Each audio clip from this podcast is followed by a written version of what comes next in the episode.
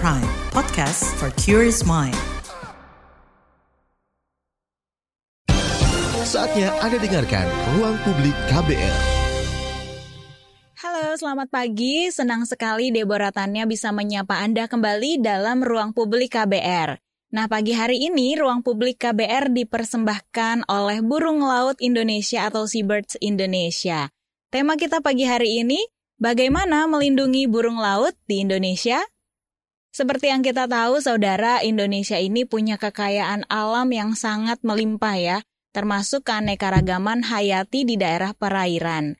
Salah satu contoh keanekaragaman hayati yang penting adalah burung laut. Namun, kondisi habitat burung laut di Indonesia saat ini semakin terancam. Banyak faktor yang mempengaruhinya seperti perburuan yang berlebihan, kerusakan lingkungan, juga perubahan iklim. Nah, oleh karena itu perlu dilakukan upaya untuk melindungi burung laut di Indonesia ini supaya keanekaragaman hayati di perairan Indonesia bisa tetap terjaga. Salah satu cara untuk melindungi burung laut di Indonesia adalah dengan mengembangkan program konservasi yang terkoordinasi dengan baik. Lalu, siapa saja nih yang bertanggung jawab sebenarnya akan perlindungan habitat burung laut? Seperti apa program yang bisa dilakukan untuk melindungi keanekaragaman hayati di perairan termasuk burung laut ini? Kita akan perbincangkan lebih dalam terkait hal ini. Nah, pagi hari ini Deborah sudah bersama dengan kedua narasumber kita di studio KBR Jakarta. Ada Mas Boas Emanuel dan juga Mas Caleb Yordan selaku anggota komunitas burung laut Indonesia. Selamat pagi Mas-mas. Selamat pagi. Ini dengan Mas Boas dan juga Mas Kaleb ya. Iya. Senang sekali sudah menyempatkan waktunya untuk hadir di ruang publik KBR pagi hari ini ya. Nah, mereka berdua ini saudara adalah uh, dari komunitas burung laut Indonesia. Nah, kita mau tanya-tanya dulu. Pertama-tama, seperti apa sih urgensi dari perlindungan burung laut di Indonesia saat ini? Mungkin dari Mas Kaleb dulu. Uh, urgensinya ya sangat penting ya karena uh, burung laut menghadapi beberapa masalah terutama kayak masalah polusi, uh, perubahan iklim, perburuan uh, dan ya kayak ada apa namanya ketangkap uh, kapal pancing dengan tidak sengaja. Jadi hmm. emang sangat penting urgensinya. Karena mungkin dari segi jumlahnya juga ya masih ya, berpengaruh ya. ya saat ini. Nah, kalau misal kita lihat sebenarnya jenis burung laut ini apa saja sih, Mas? Uh, jadinya banyak ya burung laut di Indonesia ada totalnya 55 jenis mm -hmm. yang terutama yang dilindungi uh, dari keluarga uh, pelikan, um, pecuk, uh, cikalang, petrol badai, petrol, uh, pengunting laut dan jenis lainnya. Oke, jadi kalau untuk burung laut sendiri sekitar 55 jenis ya. Iya, yang dengan dilindungi di Indonesia terutama. Oke. Okay. Ya. Itu yang dilindungi. Dan masih banyak kan jadi kan Indonesia itu uh, menjadi tempat singgah atau tempat uh, burung laut dari negara uh, lain pas migrasi musim dingin datang ke Indonesia untuk menghindari musim dingin. Jadinya emang kadang ada catatan baru lagi, catatan baru lagi. Oke, wah. Nah kalau kita berbicara tentang perlindungan nih terhadap si burung laut, sebenarnya yang punya tanggung jawab untuk melindungi burung laut di Indonesia ini siapa sih? Kita ke Mas Boas deh. Kalau untuk yang bertanggung jawab sebenarnya uh, semuanya ya, hmm. mulai dari uh, masyarakat, pemerintah pun juga. Kalau pemerintah mungkin kan untuk lebih yang di bagian uh, apa wilayah konservasi. Hmm. Kalau untuk di luar wilayah konservasi mungkin uh, peran masyarakat akan sangat membantu uh, dalam menjaga burung laut seperti itu. Oke, jadi bukan hanya dari pemerintah di wilayah konservasi, tapi masyarakat juga bisa ikut ambil bagian ya. Yes, betul Untuk sekali. menjaga melestarikan ke 55 jenis tadi burung laut yang dilindungi. Nah, kalau misalnya kita berbicara tentang ancaman, eh, tadi kan Mas Kaleb sempat bilang mereka bermigrasi dari wilayah negara lain yang iya. cuacanya dingin, mereka pindah sejenak ya ke iya. wilayah Indonesia. Ini kalau misalnya kita melihat sebenarnya apa sih ancaman utama yang mereka ah, hadapi gitu burung ancaman laut ini? Ancaman utama di Indonesia terutama ya. Yeah. Uh, di Indonesia itu terutama penangkapan uh, polusi karena tahu sendiri uh, Indonesia sampahnya ya mm. begitu parah. Dan itu kalau eh, di jadi ada beberapa burung laut yang berbiak di Indonesia. Mm-mm. Eh, di lokasi berbiaknya banyak masih banyak masyarakat lokal yang ngambil telurnya buat konsumsi. Jadi itu juga sangat Wow. berpengaruh. Dikonsumsi. Konsumsi. Itu jenis burung apa tuh biasanya Eh, yang darah laut. diambil? Jadi Burung darah laut. Ya kalau orang Indonesia bilangnya burung camar, cuman itu padahal burung darah laut. Oh itu ada lagunya, jangan-jangan itu burung. Iya, camar. burung, camar. Coba boleh. Iya. Nanti kita nyanyikan ya, off air tapi. Karena kalau on air ngusak ntar. Sama juga ada eh, sering tertangkap tidak sengaja atau kita bilang by catch. Jadi ada Heeh. kapal eh, yang eh, pakai pancing, Mm-mm. terkena pancing gitu. Kalau misalnya kayak gitu, masyarakat bisa mengambil telurnya, istilahnya tadi burung dara itu ya. Mhm. Itu memang nggak ada penjagaan khusus di wilayah Nah tersebut itu dia sehingga- kurangnya proteksi di wilayah-wilayah tempat burung berbiak di Indonesia Mm-mm. masih banyak yang nggak diproteksi. dengan baik. Iya. Bahkan nggak diproteksi sama Jadi sekali. iya emang apa eh, di luar wilayah konservasi terutama ya. Jadi ya Hmm, masyarakat bebas karena oh tidak ada peraturan gitu kan. Oke. Wah berarti memang kita harus berkoordinasi lebih banyak lagi ya dengan Iya, pemerintah supaya betul. wilayah yang belum mendapatkan konservasi itu bisa segera dapat penanganan gitu Iya. istilahnya ya. Setidaknya atau enggak apa kayak semacam mungkin untuk memang lokasi berbiak itu mendapat perlindungan khusus. Tidak perlu sampai naik untuk jadi oh taman nasional atau apa. Mm-mm. Ya hanya dilindungi saja dengan apa eh, pemantauan yang rutin, edukasi ke masyarakat seperti itu. Biasanya dari pemerintah yang melindungi itu dari kementerian apa khusus gitu? Hmm, kalau pemerintah eh BK, BKSD ya, BKSDA Balai Konservasi Sumber Daya Alam. Iya. Balai Konservasi Sumber Daya Alam. Iya, terutama untuk yang eh, Kepulauan Seribu Mm-mm. itu. Tapi kalau untuk yang daerah lain mungkin ada taman nasional Taman taman nasional nasional lain nasional yang sekitar. sebenarnya ya eh, daerahnya itu meliputi tempat burung laut itu berbiak atau singgah seperti itu. Oke, tadi kita sempat menyinggung tentang yang namanya perubahan iklim ya. Nah, kalau misalnya si perubahan iklim sendiri pengaruhnya terhadap keberadaan burung laut khususnya di wilayah Indonesia nih, seperti apa sih Mas? Kalau perubahan iklim tuh lebih ke arah ininya ya apa eh, kan seperti yang kita tahu kalau perubahan iklim itu kan berarti kan kayak apa global warming. Mm-mm. Itu kan berarti kan suhu air laut meningkat. Itu nyebabin jadi apa si eh, plankton-plankton itu jadi semacam eh, nggak bisa berkembang biak. Itu sebenarnya lebih eh, apa reaksi eh, si rantai makanan sih. Jadi apa plankton nggak bisa berbiak, otomatis ikan-ikan kecil nggak dapat makan. Burung laut yang makan ikan kecil jadi nggak bisa makan juga. Iya. Jadi seperti itu.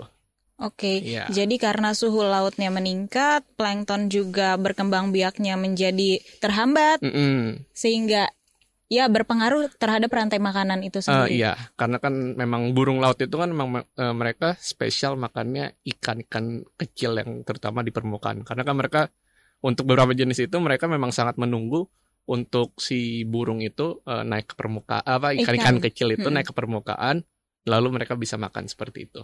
Eh, biasanya jenis burung tuh saya pernah lihat ya di video ada burung yang bisa sampai eh, ke dalam gitu loh ngambil ikannya. Itu Iya. burung apa ya jenisnya? Oh, itu eh, kalau di Indonesia kita punya eh, namanya angsa batu. Angsa batu. Iya, kalau di luar negeri kan orang kenalnya namanya Garnet kan itu. Itu yang dia emang oh, terbang tinggi dulu lalu terjun itu itu yang paling terkenal di eh, apa kalau misalnya kita nonton National Geographic atau eh, Animal Planet seperti itu. Tapi kalau di Indonesia sendiri angsa batu yang lebih terkenal yang memang eh, bisa menyelam seperti itu. Wah, iya Iya. saya saya amazing gitu melihat wah burungnya ini effort banget ya. Iya, iya, itu dia makanya kan kalau apa eh, juga eh, berpengaruhnya itu kalau misalnya si ikannya juga apa eh, permukaan air eh, apa si air lautnya jadi lebih eh, panas, Mm-mm. si ikannya itu kan dia lebih turun lagi kan dia kan nyari yang dingin ikannya itu kan. Iya. Jadi eh, burung burung laut pun jadi effortnya pun lebih jadi kayak ngabisin energi eh, Mm-mm. berlebihan yang harusnya enggak gitu kan karena si apa mangsanya itu lebih dalam gitu Iya. seperti itu. Salah satunya ya karena itu perubahan iklim itu ya. Iya. Yang mempengaruhi. Nah, kalau misalnya kita melihat sebenarnya dari segi hambatan nih apa sih yang sebenarnya hambatan dalam kita bisa melindungi burung laut Indonesia ini? Burung laut di Indonesia. Hambatannya macam-macam ya. Pertama eh edukasi kurang, lalu uh, lokasi yang sulit uh, kita jangkau untuk burung laut karena kita perlu Sewa. Uh, Oh. sewa kapal yang Mm. berarti juga berpengaruh ke biaya juga Betul. dana Kosnya karena ya itu kosnya sangat tinggi burung laut uh, Mm-mm. dan maksudnya uh, di Indonesia sendiri itu kurang uh, apa perlindungan burung laut kurang apa pemantauan pun juga agak kurang karena ya emang butuh kos sangat tinggi seperti itu Uh, terus juga karena Indonesia sangat luas juga itu menjadi faktor lainnya yang uh, apa mempersulit juga karena kita mesti uh, kalau edukasi kan tidak bisa hanya di satu lokasi saja kan harus Iya. menyebar tempat lain seperti itu Karena masyarakatnya menyebar ya. betul Salah itu dia satunya. jadi emang harus apa eh, ini jangka panjang lah seperti itu harus edukasi terus gitu kan biar semuanya tahu Nah sejauh ini dari komunitas burung laut sendiri sudah memberikan edukasi ke berapa wilayah nih di Indonesia? Eh, at least kita fokus di satu yang di sekitar Teluk Jakarta Mm-mm. itu kita melakukan edukasi di sekolah di Pulau Untung Jawa Eh, kita juga edukasi di sekolah di mainland di eh, Pulau Jawa ini di sekitar Tanjung Pasir Oke.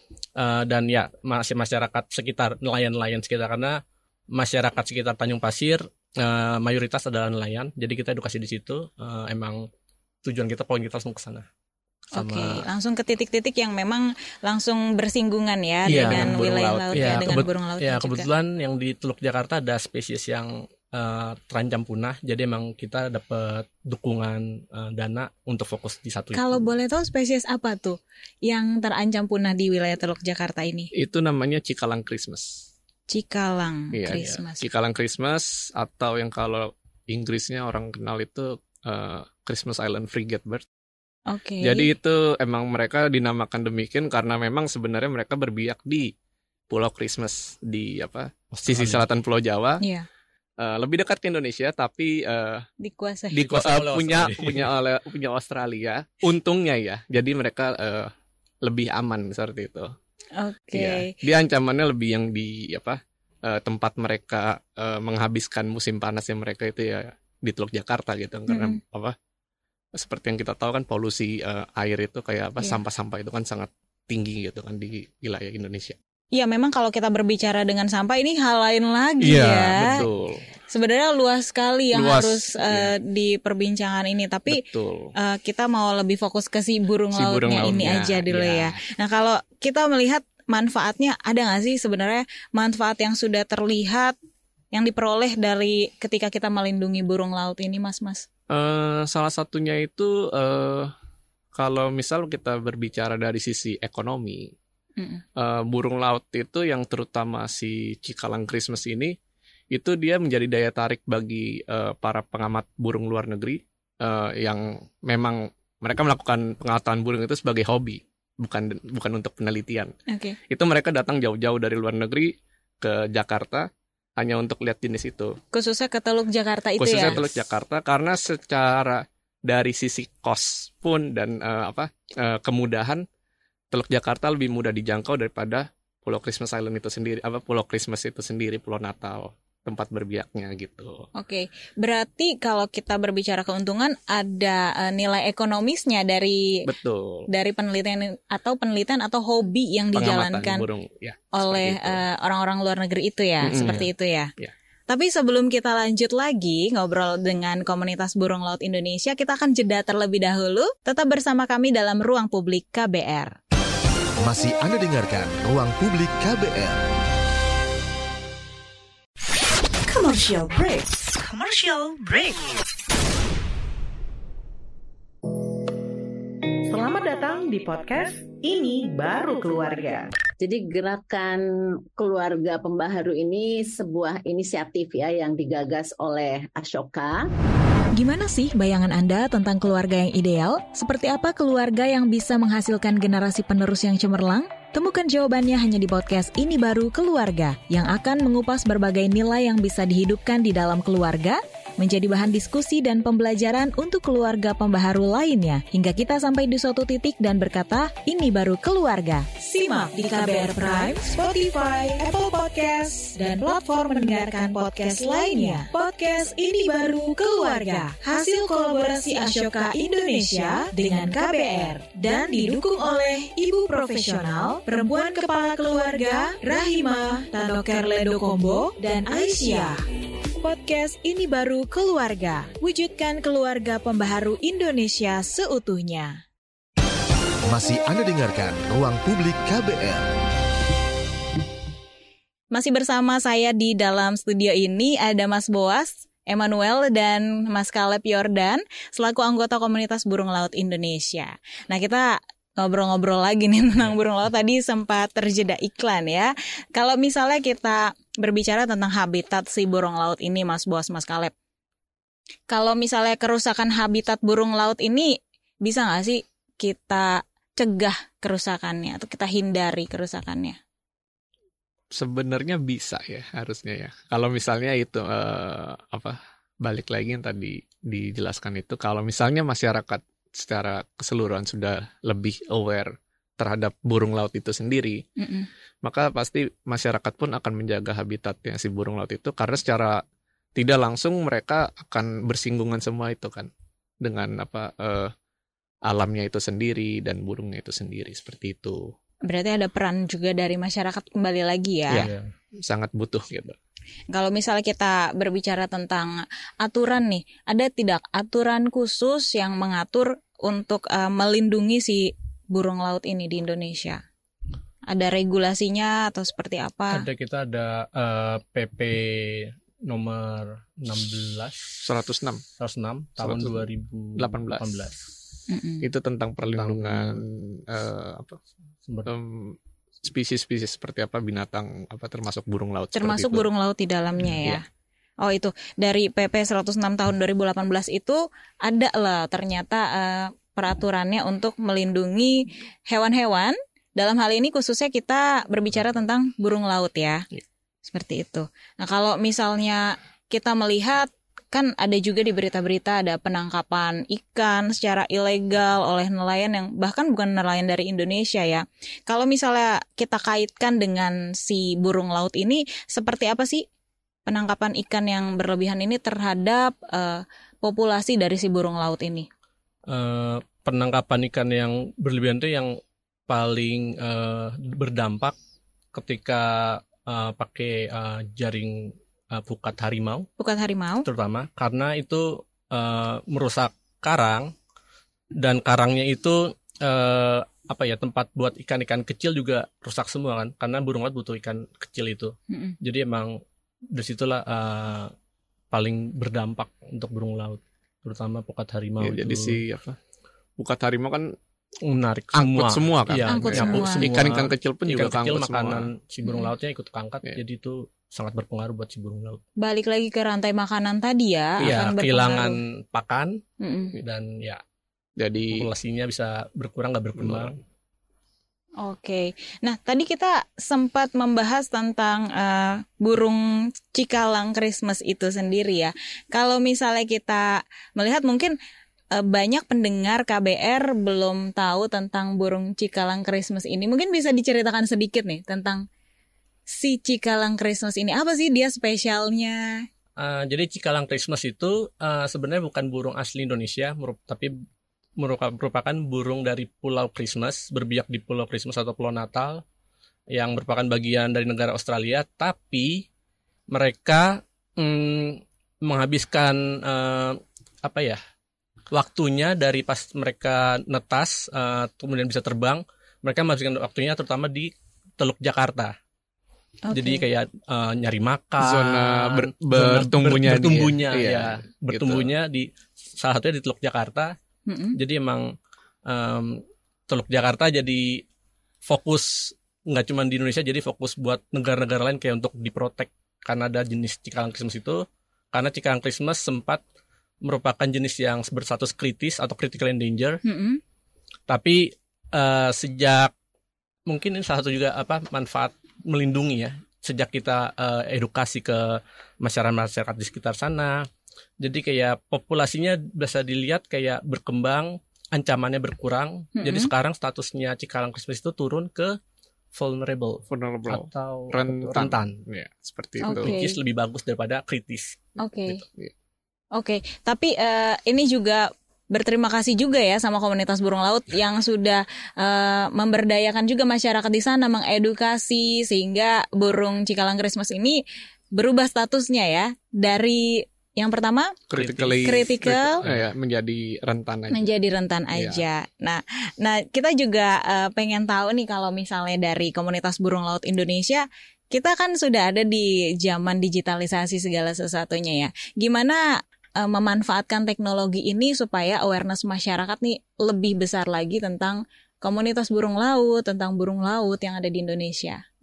biasanya kita bisa eh, untuk eh, meningkatkan kesadaran itu kan eh, kalau sekarang kan zaman sosial media ya kita Iya. biasanya kita pasti lewat ke seperti eh, Instagram lalu ada lagi juga eh, dengan membuat sedikit eh, film dokumenter tentang burung cikalang itu Mm-mm. di, di- bisa dinikmati di YouTube channel eh, burung laut Indonesia seperti itu Oke. Iya. Berarti selain dari Instagram Burung Laut Indonesia sudah ada videonya juga di YouTube Seperti Burung itu. Laut Indonesia burung laut Indonesia namanya. Oke, Mhm. nanti kalau misalnya berarti pendengar ingin lebih tahu banyak tentang si Cikalang Christmas ini bisa langsung ke YouTube channelnya ya. Iya, burung Dari Burung Laut Indonesia, karena di situ juga ada beberapa video tentang terkait burung, Mm, Terutama si Cikalang Terutama khususnya si Cikalang Cikalang Christmas Christmas itu. ini. Oke. Ya. Nah, kalau misalnya tadi eh, kita melihat burung laut ini kan perlu yang namanya perlindungan secara khusus ya. Kalau misalnya kita kaitkan dengan sampah, pencemaran, kita tahu kalau misalnya di laut Indonesia ini banyak sekali sampah, khususnya sampah plastik gitu ya. Orang-orang mengabaikan sekali kebersihan laut. Iya. Kalau dari komunitas burung laut Indonesia melihatnya seperti apa nih? Dan apa tindakan untuk eh, bisa merubah itu hal itu menjadi lebih baik lagi supaya sampah di lautnya berkurang? Adakah edukasi secara kita khusus? em, mungkin eh, edukasinya mungkin da- bukan dalam skala besar ya seperti yang kita sudah jelaskan sebelumnya Eh, kita edukasi ke sekolah-sekolah which is mungkin kita bisa berharap generasi ke depannya lebih aware untuk yang eh, masalah sampah masalah untuk perlindungan burung laut di sekitar daerah sana. Eh, ya kayak di sekolah-sekolah juga pas kita edukasi kita kayak edukasi kita bikin apa namanya tong sampah ada gambar burung burung lautnya gitu. Mm-mm. Eh, biar eh, murid-murid sekolahnya kayak apa buang sampah di situ loh gitu loh Ah, Oke. Iya. bukan buang sampah sembarangan Iya, karena kita Iya. siapin banyak kayak tiap eh, kelas ada satu satu satu gitu kayak biar aware lah. Jangan buang sampahnya lagi nongkrong-nongkrong Iya. di pinggir pantai, toto Main-main buang ke mana aja, gitu ya. apa-apa, terutama iya. kan yang apa masyarakat pesisir gitu kan Iya. fokusnya. Kalau tapi kalau misalnya ngomongin masyarakat yang di eh, kota besarnya ya mungkin kita eh, agak kurang ya, tapi kita bisa lebih ke arah mengedukasi di sisi eh, burung lautnya ini sendiri. Efek sampah yang mereka buang sampai ke laut itu Mm-mm. akan berimbas di burung laut dan juga eh, ekosistem lautnya itu sendiri seperti itu. Iya betul. Jadi ya buat para pendengar, ayo kita mulai jaga buang sampah pada tempatnya, please jangan di laut kalau lagi melancong ke pantai atau Betul. lagi main-main ke laut gitu ya. Iya. Kadang kan apa eh, orang kan suka eh, pas naik kapal misalnya nggak ada tempat sampah Mm-mm. plastik buang aja gitu kan. Padahal bisa Cuma disimpan satu, dulu. Cuma tapi satu. berapa orang Iya. gitu ya? Itu mesti dipikirkan kali berapa orangnya seperti itu. Oke, nah kalau dari komunitas burung laut Indonesia ini melihat apakah peran pemerintah sudah cukup baik untuk dalam membantu konservasi si burung laut ini khususnya tadi Cikalang Christmas ya yang ada di Teluk Jakarta. Bagaimana peran pemerintah sampai saat ini? Eh, perannya ya kita sih ya eh, lumayan bersyukur dengan adanya peraturan itu ya. Eh, setidaknya jadi kalau ada eh, ketika ada orang yang let's say berburu burung yang masuk dalam status itu, kita bisa bertindak.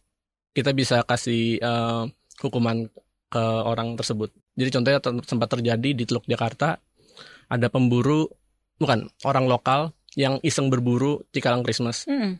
itu ketangkap sama eh, BKSDes itu sekitar uh, Rambut dan info ke kita ya cuman dengan burung yang sudah mati gitu. Oh, nah kemudian kita bisa tindak lanjutin. Hmm, hmm, hmm.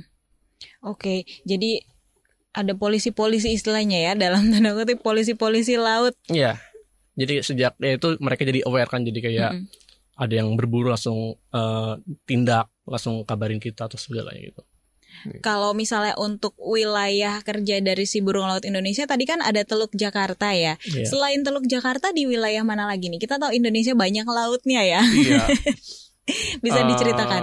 Untuk yang fokus utama kan memang di Teluk Jakarta, mm -mm. tapi kita juga uh, pergi ke ada satu lokasi yang menjadi lokasi singgah burung laut yang terancam punah jenis lain di dekat Pulau Seram. Mm -hmm. Itu juga lalu uh, sempat juga anggota kita ke daerah Gunung Api di Laut Banda itu uh, memang yang terkenal sebagai lokasi berbiaknya burung laut seperti itu uh, apa pemantauan saja seperti Hmm, hmm, hmm. Tadi kalau misalnya kita berbicara mundur tentang rantai makanan nih ya. Sebenarnya si burung laut ini makanannya ikan-ikan seperti apa sih jenis ikannya? Dia jenis-jenis ikan yang dimakan burung laut itu kan hmm, seperti ikan sardin, ikan teri. Yang kita juga makan ya. Yang kita juga makan. Saingan nih kita Saingan, nih. betul. Makanya itu kan uh, sebenarnya jangan kalau bisa jangan ditangkap secara berlebihan seperti itu kan. Uh, lalu uh, ikan, ikan terbang, cumi, cumi-cumi seperti itu. Jadi emang memang lebih kejarnya tuh yang di permukaan. Uh, di permukaan. Ikan-ikan permukaan. Okay. Seperti itu. Nah, jadi peringatan juga biar manusia ini berbagi nih ya. Karena ada juga yang mengkonsumsi ikan, cumi-cumi ikan teri itu, yaitu si burung, burung laut, laut ini. Ya, seperti itu. Mereka juga perlu kita lestarikan istilahnya gitu ya. ya. Nah, kalau misalnya berbicara tentang kelestarian nih seru banget ya kita harus tetap melestarikan yang namanya burung laut eh, di Indonesia. Khususnya tadi yang si Cikalang Christmas ini. Tapi sebelum kita lanjut lagi ngobrol dengan komunitas burung laut Indonesia, kita akan jeda terlebih dahulu. Tetap bersama kami dalam Ruang Publik KBR. Masih Anda dengarkan Ruang Publik KBR. Yuk follow social media KBR Twitter at Berita KBR, Instagram at KBR.id, Youtube Berita KBR. Masih Anda dengarkan Ruang Publik KBR. Ya, kembali lagi dalam Ruang Publik KBR, persembahan dari Komunitas Burung Laut Indonesia. Bersama saya, Deborah Tanya, dan kita masih membahas tema bagaimana melindungi burung laut di Indonesia – dengan dua narasumber kita ada Mas Boas dan Kaleb dari uh, anggota komunitas burung laut Indonesia. Kita dari tadi bahas tentang komunitas burung laut Indonesia. Tapi kita belum berkenalan secara lebih detail gitu ya tentang komunitas burung laut Indonesia bisa diceritakan nih. Silakan. Hmm. Oh, terbentuknya. Terbentuk. Ya, ya, terbentuknya sejarahnya itu sejarahnya kayak gimana? Terbentuknya itu kita di tahun 2009. Okay. Itu ketika uh, kita ngadain uh, ada proyek kita namanya issue Indonesian Seabird Survey di Selat Sunda. Mm. Itu uh, awal mulanya terbentuk komunitas burung laut. Karena uh, apa? Uh, sebelumnya burung laut itu kan memang kurang uh, apa? diperhatikan sama pengamat burung Indonesia kan karena mm. ya kendala tadi itu dana apa pengamatnya kurang tertarik atau dan lain-lain seperti itu. Jadi sejak 2019 sampai eh, 2009, saat ini. Sorry. 2009, sorry. 2009. 2009 sampai hari ini. Dan kalau misalnya kita berbicara tentang anggotanya, apakah tersebar di seluruh Indonesia atau terpusat nih di wilayah penelitiannya? Uh, kalau anggota kan kita sebenarnya kan uh, volunteer base kan. Jadi uh, siapa pun sebenarnya bisa berpartisipasi untuk menjadi anggota walaupun uh, tidak secara apa uh, langsung gitu ya ketemu kitanya gitu okay. kan mereka dengan berpartisipasi pun mereka juga sudah menjadi apa ambil andil menjadi bagian dari komunitas burung laut Indonesia dengan hmm. apa uh, berbagi data seperti itu. Oke, nah kalau kita berbicara tentang tujuan utamanya, dibentuklah nih komunitas burung laut Indonesia seperti apa sih, Mas Kaleb? Tujuan? Iya, tujuannya dari si komunitas burung laut Indonesia ini terbentuk. Oh, uh, tujuannya biar uh, masyarakat lebih aware ya uh, tentang keberadaan burung laut karena ya seperti Mas Buas bilang uh, kurang diperhatikan, mm -hmm. uh, kurang pengamat. Jadi ya kita kayak tergerak lah, kayak membuat uh, komunitas yang fokus untuk uh, satu jenis burung ini karena ya uh, kurang data Mm-mm. dan kurang uh, diperhatikan lah perlindungannya kurang Karena balik lagi ya, eh, kalau misalnya untuk meneliti sesuatu itu perlu yang namanya dana itu juga dia ya. iya ya karena ya masalah dana jadi kayak ah males lah orang-orang kayak fokus di burung laut gitu kan Mm-mm. Dari angka awal aja kapal. Wah, itu udah mahal banget gitu. Jadi eh, orang-orang udah dari Sewanya aja. sewanya gitu udah, ya. udah mahal gitu kan. Terus kayak apa burung laut kan warnanya lebih cenderung monokrom kan. kurang Eh, menarik putih atau gitu. hitam atau agak coklat gitu. Jadi kayak ah kurang cantik gitu. Padahal mereka kan elegan sebenarnya gitu kan. Iya, Dia iya. Terbang ngikutin angin saja di atas eh, di atas apa? laut seperti itu. Wow. Iya. Terus kalau misalnya kita berbicara komunitas burung laut ini sejak 2009 sudah ada apa proyek-proyek apa nih yang dikerjakan untuk membantu melindungi burung laut Indonesia sendiri?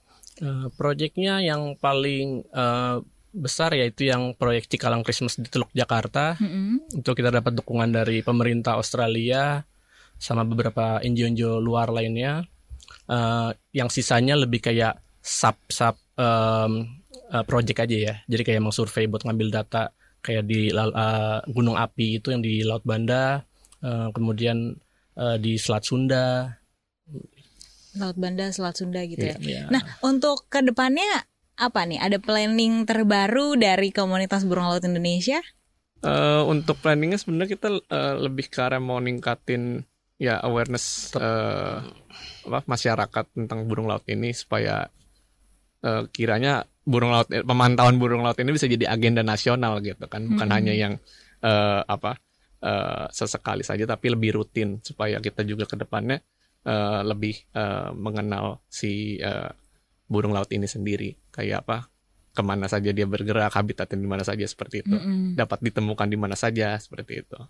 Nah, kalau misalnya untuk dapat ditemukan di mana saja, ini kan wilayah timur Indonesia juga banyak lautannya juga ya, Mas ya. Iya. Kalau misalnya di wilayah timur itu gimana tuh?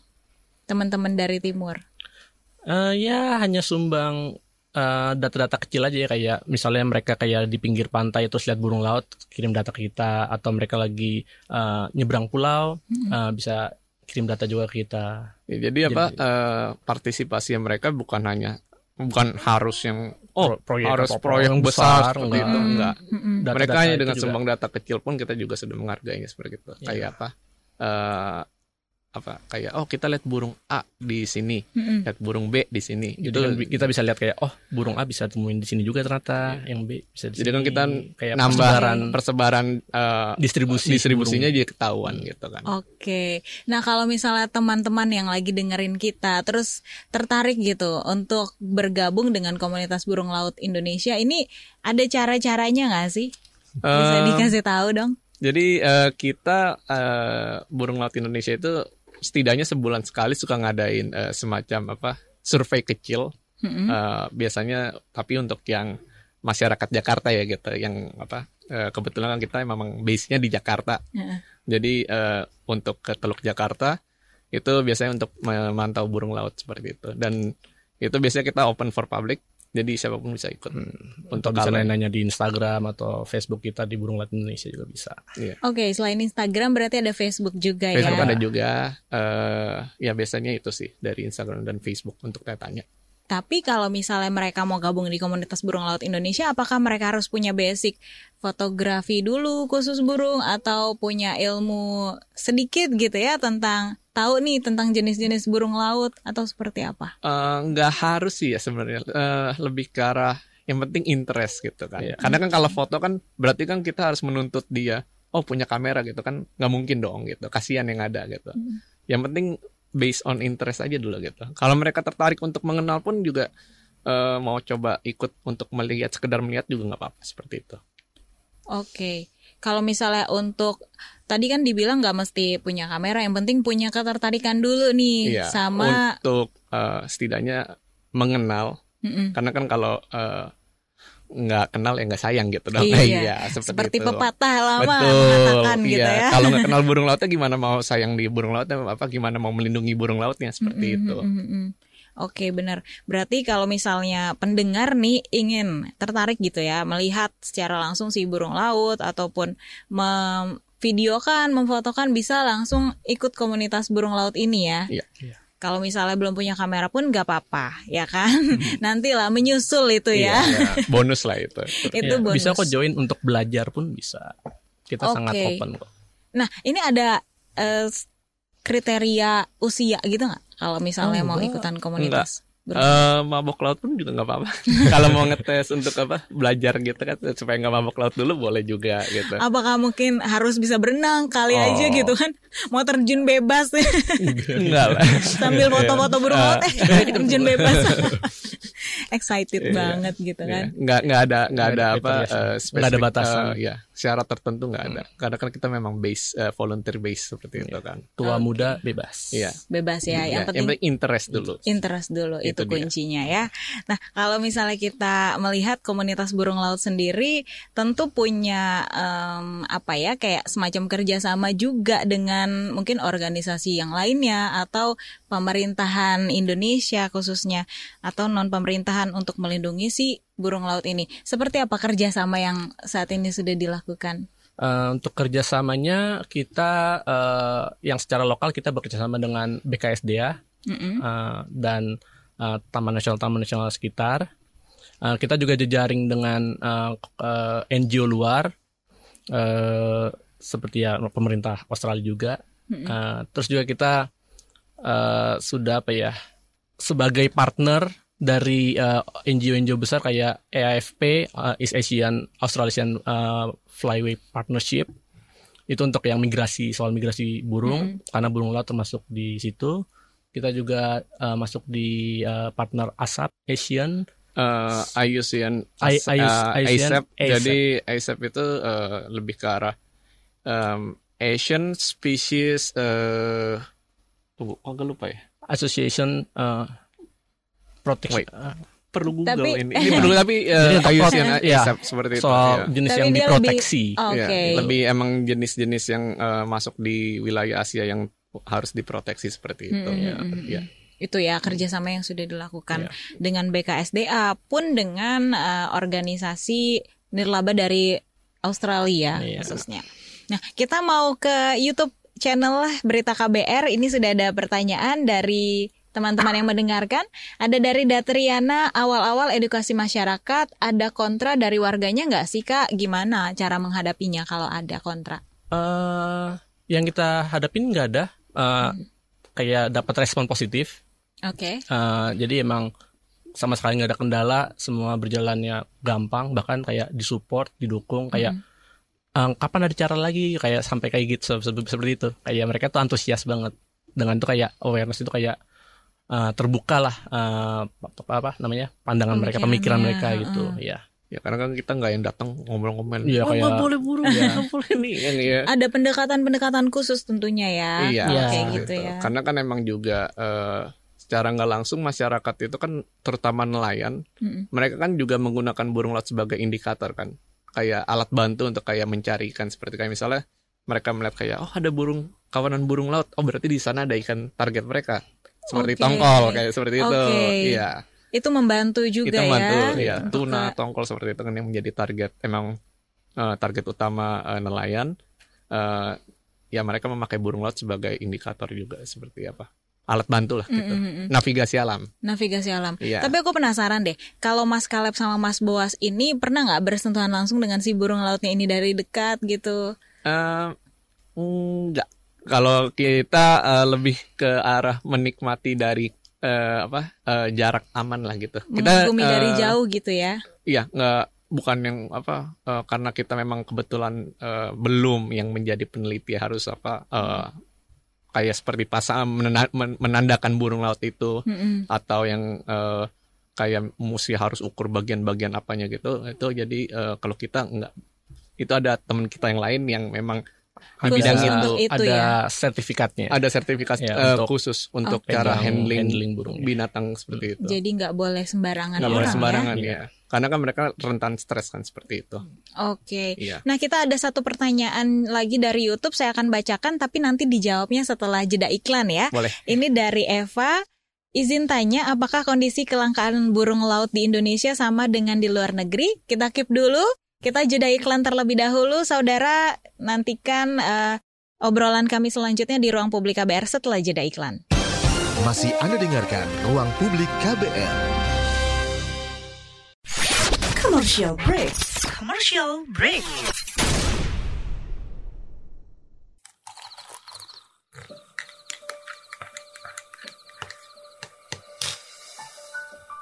Hai, kamu apa kabar? Masih suka menikmati senja dan kopi? Aku masih ingat kebiasaan kita. Sehabis pulang kerja, selalu mencari tempat untuk sekedar ngobrol dan ngopi. Tapi kadang kita kehabisan bahan obrolan. Aku masih melakukan hal yang sama sampai sekarang tanpa harus takut habis bahan buat ngobrol karena aku selalu mendengarkan KBR sore dari Senin sampai Jumat jam 4 sore. Ah, aku rindu. KBR Inspiratif Terpercaya. Masih Anda dengarkan Ruang Publik KBR. Ya, tidak terasa saudara kita sampai di bagian akhir ruang publik KBR yang dipersembahkan oleh komunitas burung laut Indonesia. Bersama saya Deborah Tanya dengan tema kita bagaimana melindungi burung laut di Indonesia. Tentunya bersama dua narasumber kita, ini sebenarnya mereka adik kakak ya. Ada Mas Boas dan Mas Kaleb dari komunitas burung laut Indonesia. Nah, tadi kita sebelum jeda ada pertanyaan dari YouTube dari Mbak Eva. Ini apakah kondisi kelangkaan burung laut di Indonesia sama dengan di luar negeri? Uh, iya, jadi kita bisa bilang trennya beberapa jenis itu menurun ya, karena uh, nah kita juga belum belum tahu pasti karena apa, mungkin karena uh, saat kekurangan pakan atau pas migrasi kena uh, cuaca buruk atau dia mati gitu, -hmm. kita belum tahu uh, jelasnya. Cuman yang kita tahu beberapa tren menurun. Oke. Okay. Jadi ya uh, karena nyambung ya. Uh, kita buat cuma ngomong populasi apa langka di Indonesia saja, hmm. uh, tapi uh, mendunia. Jadi kalau di Indonesia langka itu nyambung ke yang di negara luar. Oke. Nah, ada lagi pertanyaan dari YouTube juga dari Mbak Fitri. Seperti apa dampak perubahan iklim terhadap populasi burung laut nih? Kalau mereka punah, apa yang terjadi?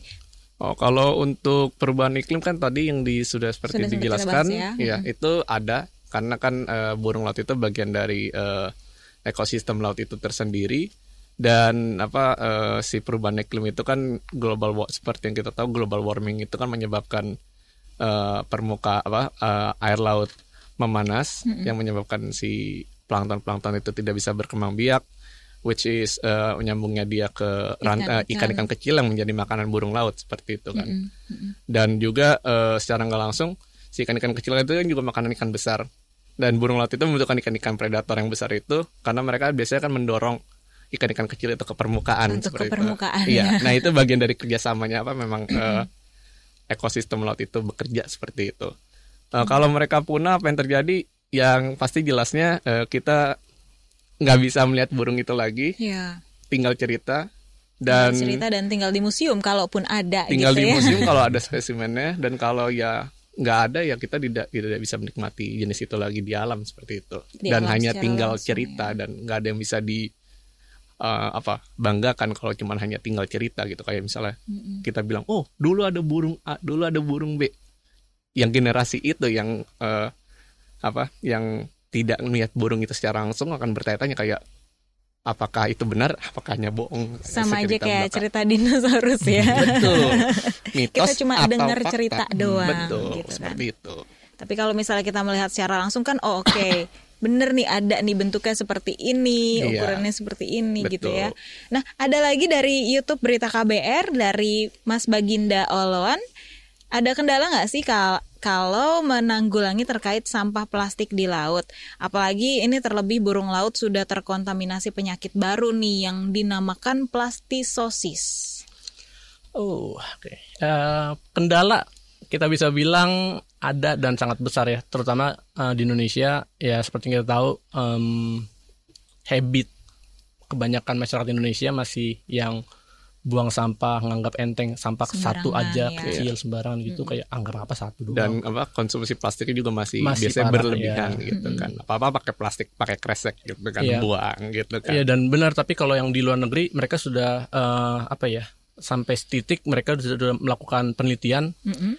Ketika ada burung laut yang mati mereka otopsi dan isinya benar plastik semua Plastik. plastik, yang mikro mikro kecil kecil itu pun Iya. berdampak banget buat si burung laut Iya, dan berdampak juga pastinya kalau kalau mikro mikroplastik itu kan Mm-mm. untuk ikan gitu kan Iya. yang otomatis juga konsumsi manusia gitu kan jadi emang Iya. si sampah ini emang maksudnya dampaknya memang sangat besar gitu bukan cuma untuk burung laut tapi juga untuk manusia itu sendiri yang apa terutama mikroplastik Tapi Iya. kalau burung laut itu dia biasanya kan eh, untuk plastik-plastik yang besar kayak eh, untuk beberapa jenis yang di luar negeri itu kan mereka pikirnya itu kan kayak ubur-ubur atau ah. cumi-cumi yang menjadi makanan mereka mereka makan eh, mereka kasih makan ke anak mereka tanpa mereka ketahui. Oke. Kalau burung dewasa tahu itu plastik mereka makan mereka bisa buang lagi kayak tahu itu bukan makanan. Mm-mm. Kalau yang kecil anak-anak mereka mereka nggak tahu mereka hanya terima aja gitu. Aduh kan. aku sedih nih jadinya. Iya seperti itu. itu faktanya itu, Itu fakta makanya. yang menjadikannya Iya. soal apa plastik lah seperti itu. Oke, so sekali lagi kita mau eh, ingatkan ya buat kita semua yang mendengarkan jangan membuang sampah sembarangan apalagi di laut ketika kalian berlibur ataupun em, apa ya sedang jalan-jalan Iya, gitu ya.